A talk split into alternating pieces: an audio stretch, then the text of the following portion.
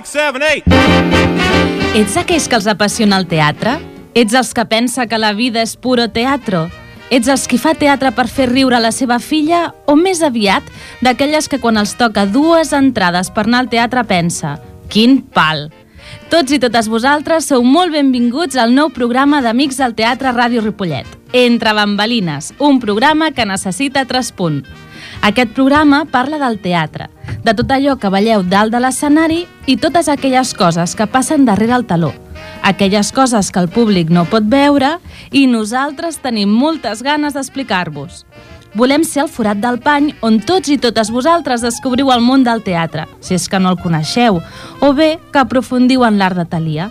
Com tota bona obra teatral, el programa està farcit de personatges que aniran apareixent a escena i faran el seu paper a través de les zones radiofòniques. I jo mateixa, l'altre punt, la persona entre bambalines que ningú veu però que fa que tot rutlli, us acompanyarà en aquesta hora de ràdio teatral. El meu nom és Iris i us dono una benvinguda plena d'emoció i d'il·lusió. Comencem! Que s'aixequi el taló i, com diem els actors i actrius abans de començar, molta merda i sort!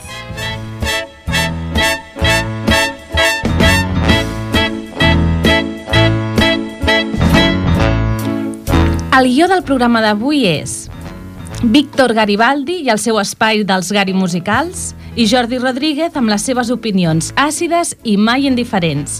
L'actor principal d'avui és en Cisco, un jove actor amic d'Amics de, del Teatre que ve disposat a fer un repàs de la seva curta però intensa vida teatral. Parlarem amb ell dels seus inicis i també dels projectes més imminents.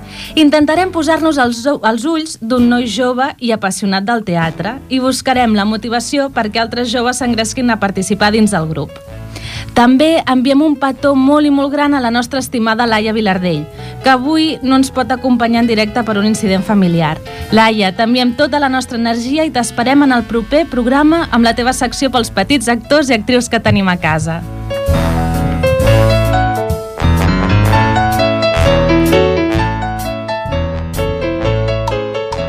Quan has tocat el cel i sents a prop l'infern Camines sense fe, sense destí, sense saviesa.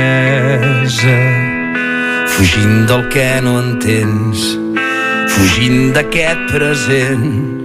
Pensant aquells anels és l'única forma que tens de continuar. Tornarem a ser grans i tornarem quan sortim d'aquesta tempesta que amaguem rere rostre indiferent. Però cou i ens fa sentir que hi tornarem. Trencar aquest desencert comença en un mateix Tornem a les arrels dels somnis que ens van veure néixer. És temps de ser valents, és temps de ser conscients que cal cor i cervell i no volem perdre ningú en aquest camí.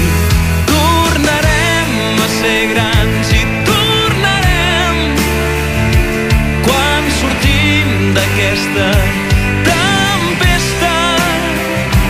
Que amaguem rere rostre indiferent. Però com ens fa sentir Aquí, si tenim el nostre estudi, és en Víctor Garibaldi. Bona tarda, Víctor. Hola, bona tarda, Iris. La cançó que hem escoltat ara, el que estem escoltant ara així de fons, li dediquem especialment a la Laia per enviar-li tota la força i l'esperança possible en aquests moments. Però també te la dedico una miqueta a tu i a tots els futboleros. Gràcies. Perquè ahir escoltava per la ràdio justament uns amics que tenim el Víctor i jo que escoltem um, que es veu que aquesta cançó s'ha convertit en l'himne per la remuntada d'aquesta tarda nit. Sí? Sí, sí, sí, es veu que sí. I no, jo pensava, avui, ostres, no ens escoltarà ningú perquè tothom estarà molt concentrat en el partit de futbol. Però he calculat el temps i us haig de dir que tranquils, que ens podeu escoltar i després tindreu temps de preparar-vos una miqueta pel partit i llavors concentrar-vos molt bé i estar mirant-los. Aquesta estona que serveixi per treure's l'atenció de sobre, escoltar-nos, relaxar-nos... Passa una bona estona Clar. i després ja a patir una miqueta. Sí, sí, el Patirem. patiment ja arribarà, això. Va. Després li preguntarem al nostre convidat si també és futbolero ell. A veure, a veure què ens diu. I, Víctor, avui ens desvetlles ja el gran secret del programa. Quin musical ens portes avui?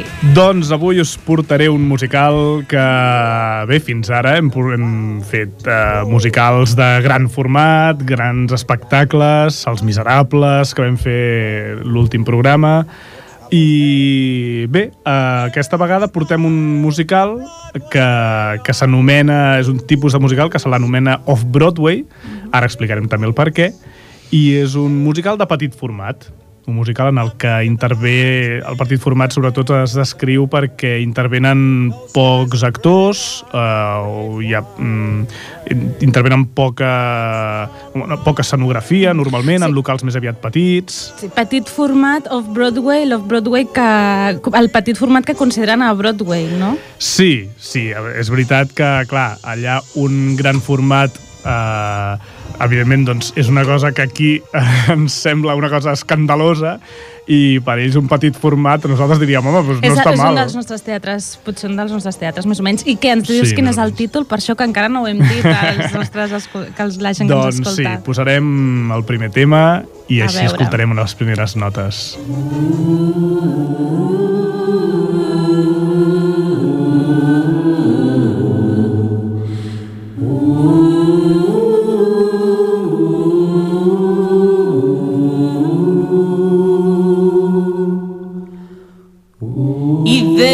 nostre Senyor digué que hi hagi llum i hi hagué llum. I Déu nostre Senyor digué, fem l'home i la dona. I feu l'home i la dona. I aquell vespre, l'home li va preguntar a la dona si estava ocupada. I la dona li va dir que gràcies, que ho havia de mirar, però que no estava interessada a mantenir cap relació seriosa, que volia sortir amb altra gent. Hi, hi, hi, hi, hi. El musical en qüestió és T'estimo, ets perfecte, ja et canviaré, o el títol original I love you, you're perfect, now change. És a dir, el títol és, és exactament, és pràcticament igual, eh? És una traducció literal. I és eh, un espectacle que s'executa i es fa amb quatre actors, dos actors i dues actrius, i amb dos, tres músics, que és el format, el format actual que s'està representant ara mateix a Barcelona, és de, és de dos músics, tot i que inicialment eren, eren tres. És a dir, que res a veure amb els musicals amb els que hem parlat en els últims programes, no? que parlàvem de gran format, amb molts actors, 60, 70 actors, una banda... Res Sí, a veure, res a canviem veure. totalment de, de registre. Doncs sí, sí, sí. És un espectacle que, eh, com heu sentit a les primeres eh, notes, als primers eh, comentaris, el primer que comencen a cantar és una comèdia, una comèdia molt desenfadada, on, on es pretén i on es tracta el tema de la parella. El tema de la parella des de la primera cançó, des del primer tema, que comença a ser la preparació per a la primera cita, i va evolucionant. No és una parella fixa, sinó que les escenes és un seguit de, de vinyetes, es podria dir, on, on la parella va, va evolucionant. És, hi ha diferents formats de parella, el tema de lligar, el tema de quan eh, comença la parella a estabilitzar-se, quan es casa, que això és a la meitat de l'obra, quan tenen fills, etc. Sí, jo a fa molt poquet, Víctor, vas definir el t'estimo. T'estimo, ets perfecte, ja et canviaré, però a partir d'ara, si et sembla, ja li diem el t'estimo. Sí, que i que és així... molt llarg, eh? Sí. I um, el vas definir, i suposo que una miqueta més endavant ja explicarem per què, però el vas definir com el musical de la teva vida. Però Mm. jo sí que crec, o sigui, segur que també és el musical de la teva vida, però també crec que és el musical de, de la vida, de la vida de parella, no? Això que dius és que és des Mm. del principi, des de com comença una parella fins, fins i tot com acaba. Sí, sí, sí. És com si fos el, el procés que segueix algú, no? Sí, i a més crec que és un, un dels grans encerts és que qualsevol persona que vagi a veure aquest musical eh, es veurà reflexat si no és en una escena o és en una altra, no? Segur, segur. Eh, evidentment, tot és amb clau d'humor i segur que hi haurà trossos o hi haurà escenes que diràs, home, això segurament està molt exagerat. Segur, si no totes, gairebé totes. Però totes les escenes tenen aquell punt que dius mm, en és certa veritat, manera tens raó. Això, això- m'ha passat o jo ho he pensat. això sí, passa és o... Sí, si sí. no m'ha passat a mi conec algú que li ha passat gairebé igual, gairebé el mateix doncs res, seguim tirant endavant sentirem ara un altre tema uh, sentirem el, els primers compassos també. uh, que aquí és la, el moment de, de començar a lligar. Mhm. quan comences a lligar amb, quina, amb quin tipus d'elements et pots trobar Elements, ja ho pots dir en majúscules. com per exemple aquests T'estava avorrint? No, i ara? És que sovint, quan escolto amb molta atenció, tanco els ulls. Sí, ja m'ho pensava. Escolta, em vols que demanem alguna cosa per picar? No, jo no faig mai l'aperitiu, menjo molt poc. Mentida! I a més avui no he pogut anar al gimnàs, i normalment hi vaig cada dia. Tot és mentida! Verònica, ets una dona molt especial. Podria estar-te parlant tota la nit. Per Déu, que calli! Sí, sí, sí, sí, sí, sí. Però el que realment m'apassiona és el gol. Aquesta és una de les escenes, també del principi, el que dèiem, no? De, del moment de lligar, etc. I tot, sempre, tot, tot, tot, tot, està enfocat amb clau d'humor. Té algun momentet en el, que, en el que, segons la versió, perquè és veritat que hi ha versions que és absolutament totes les escenes són, són còmiques i són per riure, i alguna versió sí que hi ha hagut, que hi ha alguna escena que la fan una mica més... bueno, que... Més, Més agradolça, transcendental. no? Sí, sí, sí. sí, I ens poses una mica en antecedents, Víctor, del musical? Sí, tant. Quan Mira, va néixer, a on... aquesta, aquest musical es va estrenar a Broadway, el que dèiem, a l'Off-Broadway, el, el 96.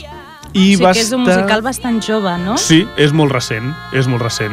Uh, va estar de forma ininterrompuda als escenaris fins al 2008 i va estar més de 5.000 funcions. van 5.000 fer. funcions. Sí, és un musical, de, que això no ho hem dit, amb llibret i amb lletres del Joe Di Pietro i amb la música de Jimmy Roberts. Uh -huh. uh, va quedar en segona posició, uh, perdó, va ser, uh, o es, encara és el musical que està en segona posició en, el, en, en quant a longevitat, després de, dels Fantàstics, pel que fa a, a l'Off-Broadway, eh? No parlem en aquest cas de Potser formats caldria centrals. que expliquéssim, no? Llavors, la diferència entre Broadway i Off-Broadway per les persones que no han estat a Nova York. Sí, um, la, se l'anomena Off-Broadway sobretot perquè acostumen a ser teatres que estan generalment uh, fora del que és el, el radi on és el nucli de tots els grans teatres. Llavors, el ser... el pertany una mica a l'extraradi, entre moltes cometes, uh, per això se l'anomena Off-Broadway. Tanmateix, hi ha teatres que estan també a la part eh, molt propers a altres grans teatres, però com que són teatres petits, doncs també se- se'ls acaba anomenant d'aquesta manera. Per tant, és com que reuneix els dos components. Un teatre mm, de dimensions relativament petites, sobretot pel que és allà, i un teatre que queda una mica apartat del que és el centre neuràlgic de, de tot el que està al voltant de Times Square. I a més, sobretot el que tu deies, no? que l'Off-Broadway també neix com un concepte de teatre diferent, de la gent que estava cansada, entre moltes cometes, de veure aquests grans musicals amb grans vestuaris, mil, molts actors de l'escenari, busca una cosa més petita, més íntima i més propera, que jo crec que el testimó és tres de les grans característiques que té. Sí, sobretot també un dels motius pels quals neix l'Off-Broadway és per acollir eh, productors que no tenen la capacitat de, de portar un espectacle amb tota la part econòmica que això representa en un dels grans teatres de Broadway.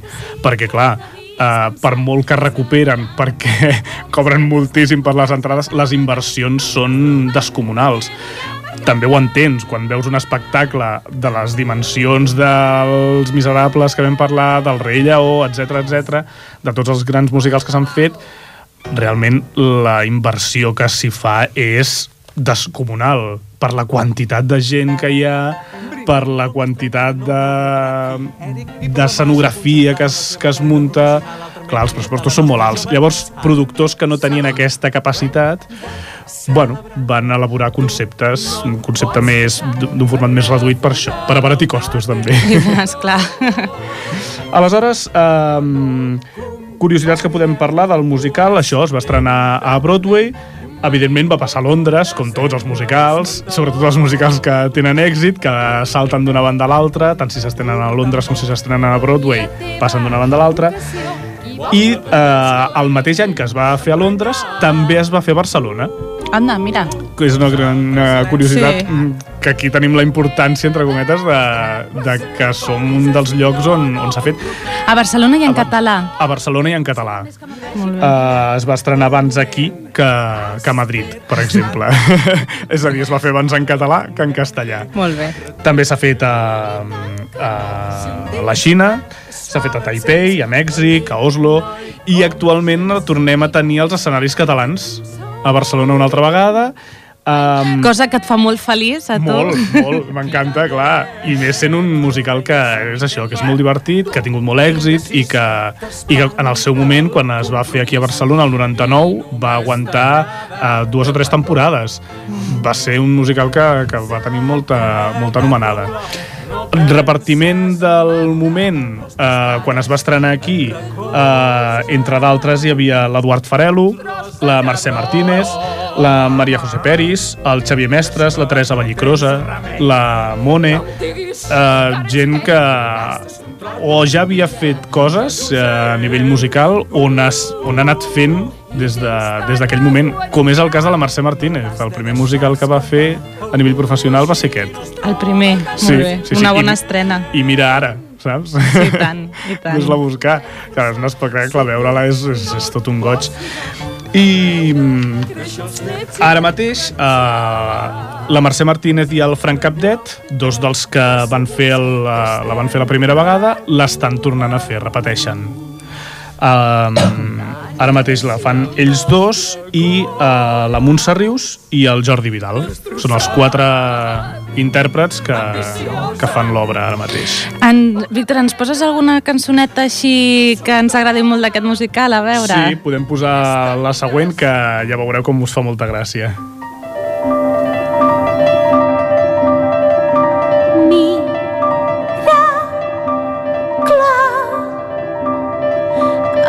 Noi que vaig conèixer va i em truca.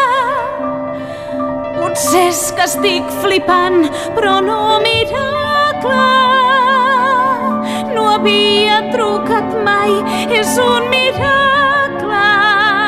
Ostres ostres. Ordinato una pizza con molto anchovies. Miracle! No! Ho torno a repetir. Madonna! Miracle! Mamà, avenci! Miracle! Com ens agrada el mar, I tant miracle! quina sort! He vingut tan bon punt, ho he sabut! Mama! Miracle! Inesperadament ell l'ha trucada. Víctor, va, uh, confessa, quantes vegades has vist aquest musical? Doncs veure'l quan el van fer eh, per primera vegada, jo diria, si no recordo malament, que el vaig veure tres vegades. Tres vegades. Sí, Molt bé. i amb aquesta reposició que la tornen a fer ara ja l'he anat a veure i per poc que pugui tornaré. I quantes vegades l'has fet? Has Doncs- estat actor d'alt estimo. L'he fet amb dues companyies diferents i el primer cop que, que la vam fer amb, el, amb un grup de Barcelona la vam fer tres cops i el segon, amb el segon grup que, que la vaig fer, amb un grup de parets, la vam fer cinc vegades. Molt bé. I per què t'agrada tant? Què és el que té aquest musical que no tenen altres? Doncs jo suposo que l'aspecte còmic que, que barreja eh, amb músiques molt divertides, molt àgils, eh, amb text mm, molt, molt no picant de, a nivell sexual, eh? picant de, de que és, és molt irònic, Sí. permeta que, que els actors que, que estan representant personatges que es, estan molt estripats estiguin ba molt basats en la realitat. I això, juntament amb que si es fa amb quatre personatges, amb quatre actors, et toca fer doncs, de les 19 escenes que hi ha, potser acabes fent 12 o 13 personatges, clar, saltar constantment d'un personatge a l'altre és molt divertit. Clar, és molt xulo, això. Gaudeixes molt. I a nivell de, de cançons, sent quatre quatre actors, et permet jugar amb moltes veus diferents. La veritat és que és molt complet. Per un actor és molt divertit, és, és, és un goig poder fer obres d'aquestes. La veritat és que ho deixes molt. I mm, ens posaràs alguna de les cançons que a tu especialment t'agradi eh, representar quan estàs fent el t'estimo? Doncs sí, mira, ara en sentirem una que, que a mi m'agrada especialment. Ah. Ui, el meu bonic petitó. Ui, el meu bonic petitó. Ja fa temps que tinc un nano i ningú m'entén quan parlo. Duba dabi duba babi du. Els pares no és cap broma, se'ns afluixa la neurona.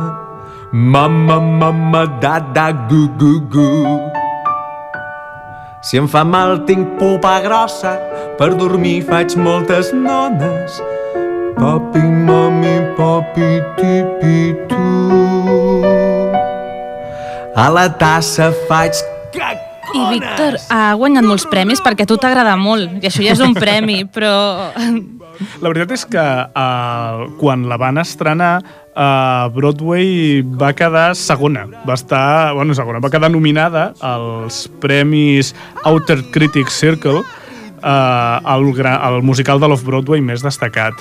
Vull dir que no, no va guanyar premis allà, almenys quan la van estrenar, però aquí sí, aquí va guanyar els Premis Butaca, que és els premis que es donen al, al teatre. Uh, va guanyar el millor musical, el millor actor de musical pel Xavi Mira, a la millor actriu de musical per la Teresa Vallicrosa, Vull dir que realment aquí la producció que es va fer va estar molt bé, molt bé, va estar molt bé. I en quant a enregistraments, per si algú li interessa, doncs cal dir que n'hi ha un de Broadway, de, la, de, la, de quan es va fer, de quan es va estrenar, del 99, perdó, del 96, i eh, també hi ha una edició en català, que si es vol es pot, es pot mirar d'adquirir. I eh, fonts confidencials ens han assegurat que, que hi ha la, la intenció de fer un nou enregistrament ara el, de, del repartiment actual. Del musical que ara estan fent a Barcelona. Sí. És a dir, que tu ens la recomanes Mm, encarecidamente, que es diu. per passar una bona estona, per riure... Sí. Quan es busca anar al teatre a divertir-se i a passar-s'ho bé, aquest és un... Per riure, però també jo crec que és d'aquells musicals que et toca una mica la fibra, no? De que depèn de com, m'imagino que no, quan veus l'escena dels pares hipercansats que no tenen temps ni per parlar-se l'un a l'altre i tu estàs a, tens un nen de 3 anys, un altre de 5, et deus mirar el del costat i pensar, doncs és veritat, també Sí. passa amb mi això. Segur que en tots els casos, siguis jove, nen, gran, eh, vell, eh, en tots els casos segur que hi haurà coses que, que t'hi trobaràs i que, bueno, és fàcil que, que et doni el punt sortint d'allà de reflexionar una miqueta. Sí, i sobretot no el títol i com acabar l'obra de T'estimo, ets perfecte, perquè sempre ets perfecte al principi de la, de la relació, però ja et canviaré Sí, allò que no m'acaba de fer el pes. Sí, sí, sí. Aquí l'últim tema, que ara començarà a sonar, ja veurem com, com parla una miqueta d'això. Torno a ser. Jo ja hi torno a ser, no ho puc pas negar. M'havia jurat no tornar a estimar, però sempre l'amor tot ho ha d'enredar. Ja ho veus, Ja ho veus, ja ho veus, ja hi torno a ser. No ho nego,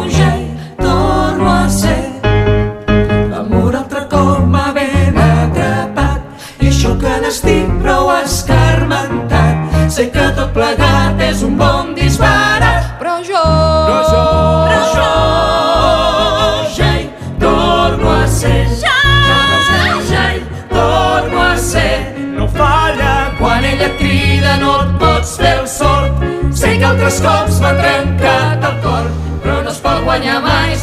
A mi em posa la pèl de gallina, eh? Les pèls de punta, aquesta cançó m'encanta, és el meu tema preferit. Sí, l'últim, com que comença amb les quatre veus a capella, sense instruments, amb quatre, amb quatre veus diferents, ostres, comença, és molt impactant. I va pujant, va pujant, va pujant, intensitat, acaba dalt de tot. Realment és un espectacle molt rodó per això, perquè és que eh, en tot moment et manté un nivell molt alt de tensió perquè tota l'estona estàs rient, tota l'estona estàs connectat, no et canses perquè de seguida que s'acaba una escena que et dura 5 minuts, comença una altra que tornes a enganxar-te i acaba, acaba molt amunt.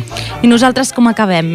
Doncs nosaltres acabem res, recomanant-la el que dèiem i dient que es fa actualment al Teatre Poliorama i, i que en aquest cas la dirigeix l'Elisenda Roca, que això no ho havíem comentat, i, i que, és que, que és que no se'l perdin, que el fan fins, a, en principi, el fan fins al 28 d'abril. Per tant, amb les poques sessions que queda, s'ha d'aprofitar. i s'hi ha d'anar. Doncs molt bé, Víctor, moltíssimes gràcies per haver-nos portat el testimo aquest mes i t'esperem el mes vinent. Molt bé. Val, t'escoltes, et quedes aquí a, a la conversa amb el nostre proper convidat? Home, i tant. Sí? Doncs ja tenim aquí el Cisco Martínez, que ens ha acompanyat durant tota la secció dels garimusicals. Benvingut, Cisco. Hola, bona tarda. Estem molt contents de que estiguis aquí. Què et sembla això de la ràdio? T'agrada? Sí, i més entre companys, és guai. sí, estàs còmode? Va, M'alegro.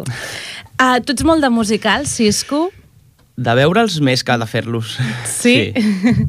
tu passes bé per això, veient musicals? Sí. Aquest, l'havies- aquest que comentava el No, Víctor? no, però sembla interessant i, i ja que diu que està, està fent ara, doncs, Sí, no? És una bona Serà qüestió oportunitat. veure, sí, sí, sí. sí te'l recomanem, Cisco. Doncs, um, bé, una mica com he presentat al principi de tot el programa, el Cisco és un actor jove de... Et puc preguntar l'edat, oi? 23. 23 anys. Jovenet. I quant de temps fa que estàs dins el grup fent teatre? A veure, ens podríem remuntar a l'any 88. 88. Quants anys tenies quan vas començar, doncs? Doncs estava a la panxa la meva mare. Ah! Estava a la panxa i... trampa, això. Sí, sí, vaig fer dos de, dintre la panxa. Vaig fer la barca sense pescador i ja després, al 89, la fantasia de Trieste. Així doncs, home, si ja vas començar dins de la panxa de la mare, era... O sigui, no podia Era ser un altre... Sí, era inevitable que haguessis de, de fer teatre, no? Sí, sí. I quan comences a ser tu actor?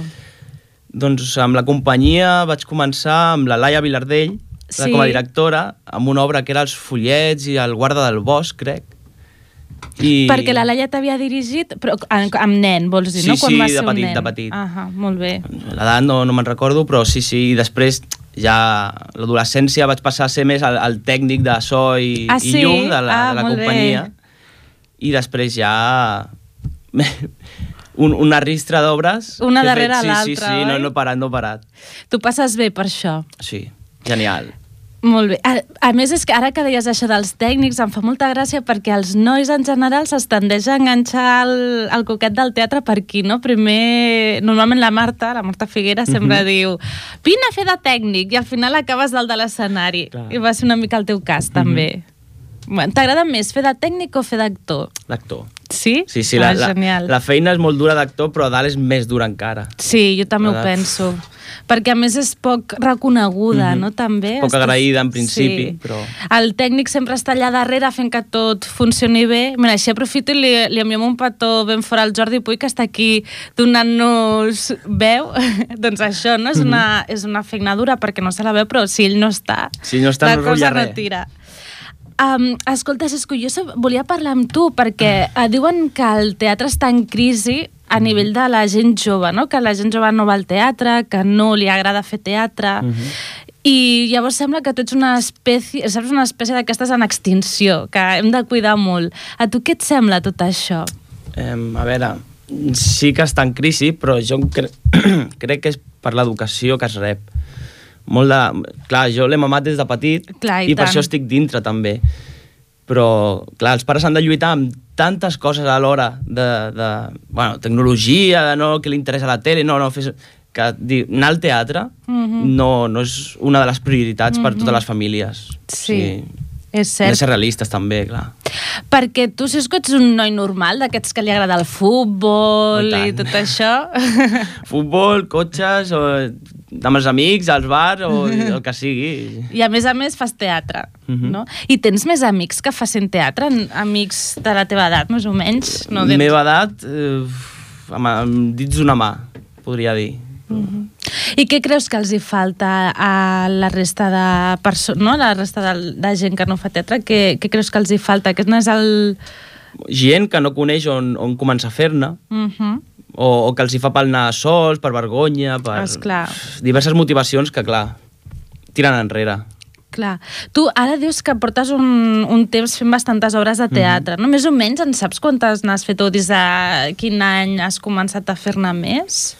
Podria dir-ne 10, 12 seguides, sí, sí. Pues Déu-n'hi-do, quina experiència que tens ja per ser tan jove. No, però Molt sempre han bé. sigut pate, papers una miqueta petitons i Bueno. tal, i ara sí que m'estan donant l'oportunitat de, de fer alguna més gran. I perquè l'última obra que has fet... Ah, Les Tres Germanes, sorties, oi que sí? I també anteriorment el Mamma Mia, També. que per dir que ets més de veure que de sortir de musicals, el Mamma Mia, quin personatge musical, feies? Sí, sí, el d'Sky. Pues Déu-n'hi-do, no? I què tal, t'ho vas passar bé? Sí, home, la companyia és genial, i l'obra musical és perfecta. És sí, molt divertida. Sí, sí. Va, genial. Doncs et volia preguntar quina ha estat uh, la teva obra més... O sigui, la- l'obra de les que has participat, la que més t'ha agradat. Amb quina et quedaries? Podríem dir vàries, diverses, sí, sí. Perquè està Mentiders, que va ser un paper molt... molt era d'un mossèn, Sí, feies però- de mossèn, tu. Sí, Mhm. i, però anava amb... Dintre tenia roba interior de, de dona de cabaret, així. Per, o sigui, I sorties allà amb, amb les calces i tal. O sigui, una mi, sí, sí, era un personatge una mica estrambòtic, però l'obra era divertida. I pff, fem comèdia, també era allà, no sé, amb tres o quatre personatges diversos, era... Sí. Fem comèdia era, és una obra que va dirigir la, la Mònica. La Mònica. Farà potser un parell d'anys, més o menys, sí. potser. I que eh, el que va fer va ser que va agafar, amb l'ajuda del Jordi, va agafar com tot d'esquetxos d'obres de teatre clàssiques, no? Mhm. I les vam eh, representar una mica com... Eh, amb la, el teatre de l'absurd, no? una mica. I clar, sí que és cert que clar, t'ajudava molt, com a actor, la, el treball d'actor era molt divertit perquè donava l'oportunitat d'anar al màxim. Mm -hmm. No hi amb, més- clar, clar, i, i, i això m'ha vingut a la ment perquè l'obra que estem fent ara Sí. també dona joc a això, a tenir dos personatges molt versemblants i sí, sí, dona molt de joc. Quina obra estàs fent ara? Ara estem amb Bimbodí versus Praga, que aquí tenim el gran director que ens, acompanya per el Víctor, sí, sí, i, i, I, i ens dius promet. que, que has de fer dos personatges Mhm. en, a- en el Bimbudi versus Praga. Són dos personatges molt diferents? O... Sí, sí, sí. Un és un jovenet, de, de, li agrada l'electrònica, de, de Gràcia, i, i molt català, de sempre, i oh, molt progre. sí. I l'altre, un xarnego. Què dius? un xarnego, el típic de, de, de, de poble que diríem d'aquí, de Ripollet, el, el pelaillo. Ah, o sigui, que en el, Sí. està en els dos extrems, Sí, no? sí, sí. Déu-n'hi-do. I escolta'm, eh, senyor director, com es fa això per, per ajudar a que un actor li surti això? Com es dirigeix? Doncs, home, primer, clar, eh, entres a, a parlar amb el- amb l'actor de com veu els dos personatges, com els veus tu, i a partir d'aquí, clar, has de tirar una mica de, de les dots interpretatives que tenen els actors perquè realment necessites que, que tinguin aquesta versatilitat per poder fer dos personatges que no tinguin res a veure. Això no és fàcil. que No és fàcil, i no és fàcil en una mateixa obra, perquè sí que és cert que suposo que durant totes les obres que has anat fent Cisco, segur que han estat com molt diferents tots els personatges, i és fàcil, si tens tres mesos per preparar un personatge, fer-ho, però clar, en una obra de sobte entro i soc un, i després entro i soc Sí, sí, l'altre... a, a sobre és això, que parles com a un, surts, et canvies de barret i, i ets l'altre, o sigui, has de tenir una agilitat mental allà Sí, en el sí, moment o, sí. o mo- molts assajos i tal. I tant. Sí, sí. I que hi ha molts assajos per, a les esquenes, o com va això? Com van els assajos? Van bé, van bé, no, no, no ens estem castigant especialment, però clar, sí que incidim sobretot en, en treballar molt el personatge. En, Mhm. és una obra que, que el que requereix més és això, que el personatge estigui, estigui molt clar, molt treballat, com que el que es diu i el text és molt natural, és molt com si estiguéssim parlant ara, com, bueno, com, si estiguem, com si estem parlant nosaltres ara mateix, doncs ens permet molt entrar dins el personatge i parlar des del personatge. I Cisco, l'obra de què va? A veure, el trasfons de l'obra tracta el tema del càncer. Uh -huh. Mm, a sobre, bueno, a les festes, al, al de les festes de Gràcia. Sí. Vale? Llavors, hi han dos carrers Uh -huh. que un munta la festa de Gràcia des de sempre Sí. i hi ha un que, mira, com hi ha una noia que té aquest, problem- aquesta Aquesta enfermetat, malaltia, sí. doncs la seva il·lusió és fer un, un decorat de, de, de festes de Gràcia.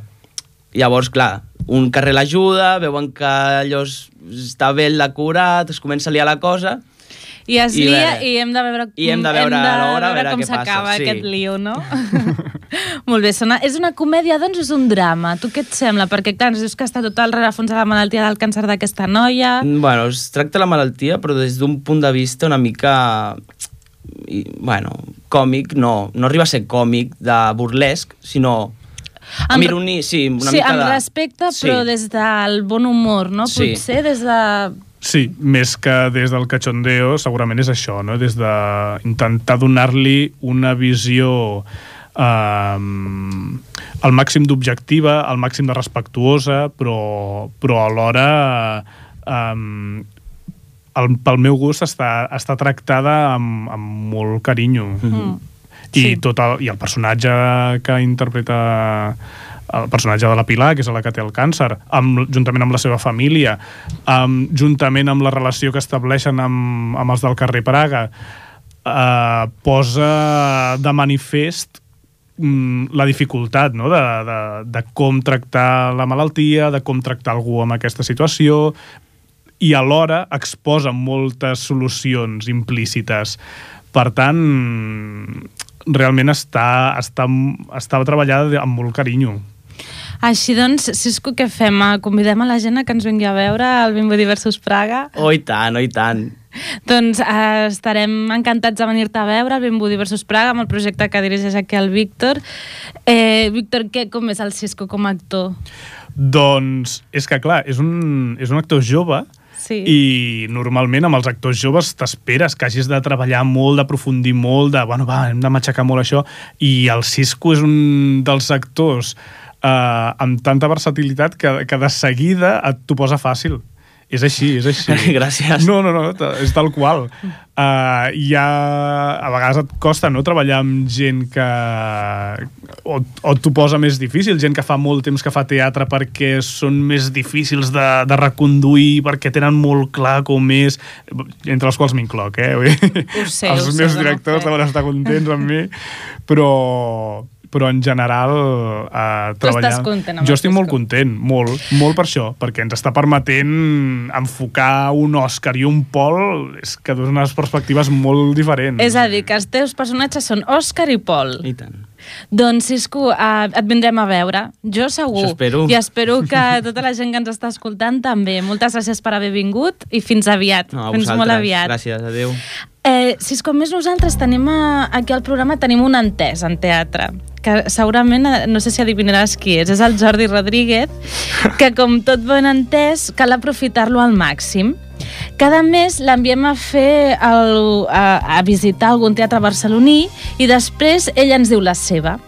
És una manera d'apropar-nos al teatre que es fa més enllà de les fronteres ripolletenques i potser de fer-nos néixer el coquet de fer una visita a algun dels teatres que ell ens comenta. Tot i que als ulls del Jordi mai no hi ha res que se li escapi. Escoltem, si us sembla, nois, eh, el que ens explica el Jordi aquest mes. Roberto Zucco, o un clàssic contemporani. Estaria temptat a començar la crítica teatral de Roberto Zucco, obra que vaig anar a veure el passat dissabte 24 de febrer del 2013 al Teatre Romea, amb la frase «Ahir vaig anar a veure una obra de teatre alternatiu». Però immediatament després em podríeu preguntar «Alternatiu a què?» I aquí la meva resposta no seria prou concreta i possiblement argumentada. Així doncs em disposo a buscar un inici alternatiu, aquest cop sense cap mena d'ambigüetat que aquest segon inici és alternatiu al primer. Roberto Zucco és l'obra pòstuma de l'escriptor francès Bernard-Marie Coltés. Coltés va morir de sida l'any 1989 a l'edat de 41 anys, escrivint la darrera part d'aquesta obra quan ja sabia que la seva malaltia el duia inexorablement cap a la mort. I al contrari que el Cid Campeador, que va guanyar la seva darrera batalla un cop difunt, en Coltés va guanyar la primera. Va ser a partir de la seva desaparició que se'l comença a conèixer tant a França com a l'estranger i és quan esdevé un dels clàssics contemporanis. Sense entrar en profunditat en la vida personal de l'autor, és inevitable suposar que tota la cruesa, por i foscor que en la vida real deuria suportar en aquesta fase final de la seva existència és transmesa a la seva obra i en particular a Roberto Zucco. La trama no pot ser més cruenta. És la història de l'assassí en sèrie italià del mateix nom i on s'hi barregen parts reals i parts imaginades. Així doncs, l'obra comença amb la imatge d'en Roberto fugint d'una presó després d'haver estat condemnat per haver assassinat el seu pare. Per acte seguit, dirigir-se a casa de la seva mare i també matar-la. És a dir, que en els primers 5 minuts del 110 que dura l'obra ja se'ns ha presentat l'antiheroi amb uns fets que intencionadament no ens permetran en cap moment tenir-li una mica de simpatia i molt menys poder empatitzar amb ell. La trama no pretén explicar-nos el perquè d'aquest comportament assassí, ni justificar els actes menys preables del protagonista. Tan sols ens va mostrant com cada carambola de l'atzar, on en Roberto hi és present, engoleix l'univers que l'envolta dins el seu forat negre. De totes maneres, no us penseu que la resta de personatges de l'obra siguin l'antítesi d'en Roberto, ben al contrari. Tots ens mostren la seva part, de fet, sembla que la única que tenen, més fosca i sinistra. Famílies desestructurades amb un pare alcohòlic i maltractador, una mare que té la pinta de drogadicta, una filla gran amb tota mena de complexes d'identitat i d'inferioritat, una filla petita adolescent que es mostra rebel a tot, i un fill gran que, amb el pretext de cuidar la seva germana petita, no té cap mena d'escrúpol en vendre-la a un bordell, on ella mateixa ha decidit anar a treballar per part d'apropar-se a Zuko. Polítics corruptes, policies maltractadors i... estrany, rar, absurd tot plegat? Doncs així és aquesta obra. El muntatge que en Julio Manrique ens presenta el Romea ens mostra una casa de dos pisos i quatre cambres, que alhora representen uns altres quatre espais diferents. La cuina de la família abans descrita, un bordell, una estació de metro i el rebedor d'una segona casa. Al terrat, unes lletres lluminoses on en certs moments de l'obra es connecten i s'hi pot llegir el nom del protagonista. I just a la divisió de les dues plantes, un display lluminós d'aquells on hi surten missatges passant de costat a costat. Per cert, que el director, per incomodar-nos encara una mica més, fa circular les lletres d'esquerra a dreta en sentit contrari al que seria la lectura natural. En Enrique fa un muntatge amb pinzellades a voltes de Tarantino i d'altres amb referents del seu company d'ofici Àlex Rigola. De fet, el text es presta a l'estil d'aquests dos directors. I per descomptat, treballa amb els seus actors habituals i algun que s'incorpora per aquest muntatge.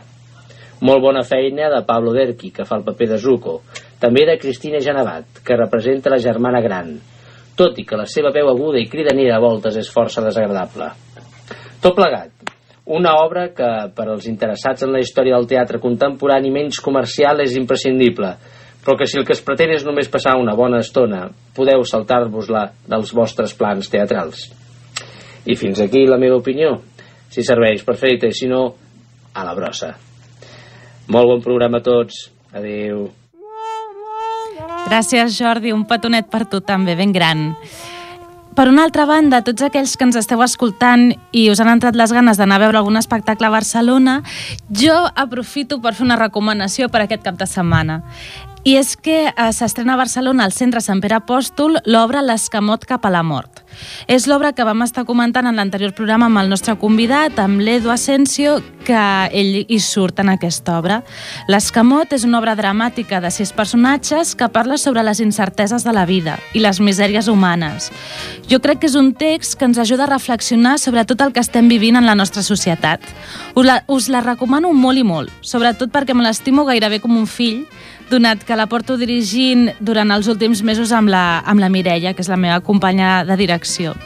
Així que, si voleu entrades, podeu enviar un correu electrònic a consergeria arroba centresampere.com ho torno a repetir, eh? consergeria arroba centresampere.com o trucar al 93 268 2509. Abans d'acabar, també voldria agrair a totes les persones que han estrenat, eh, que avui han estat en el nostre programa. Ha estat genial. I també un petó molt i molt especial a la nostra estimadíssima veu en off, a la Mònica López. Gràcies per fer-ho possible. I fins aquí el programa d'avui. Esperem que hagueu gaudit del nostre vostre programa. Us esperem el proper dimarts 9 d'abril amb les nostres seccions habituals. Amb el Jordi, amb el Víctor, amb la Laia... Estarem molt a prop de la nostra propera estrena, del Bimbo Diversus Praga, que avui ja us hem fet un tastet i que el proper programa segur que en parlarem molt i molt i us animarem a que vingueu a veure'ns i a que la sala estigui plena. I també de les activitats, parlarem de les activitats que es faran al Sant Jordi a la Rambla. Us esperem.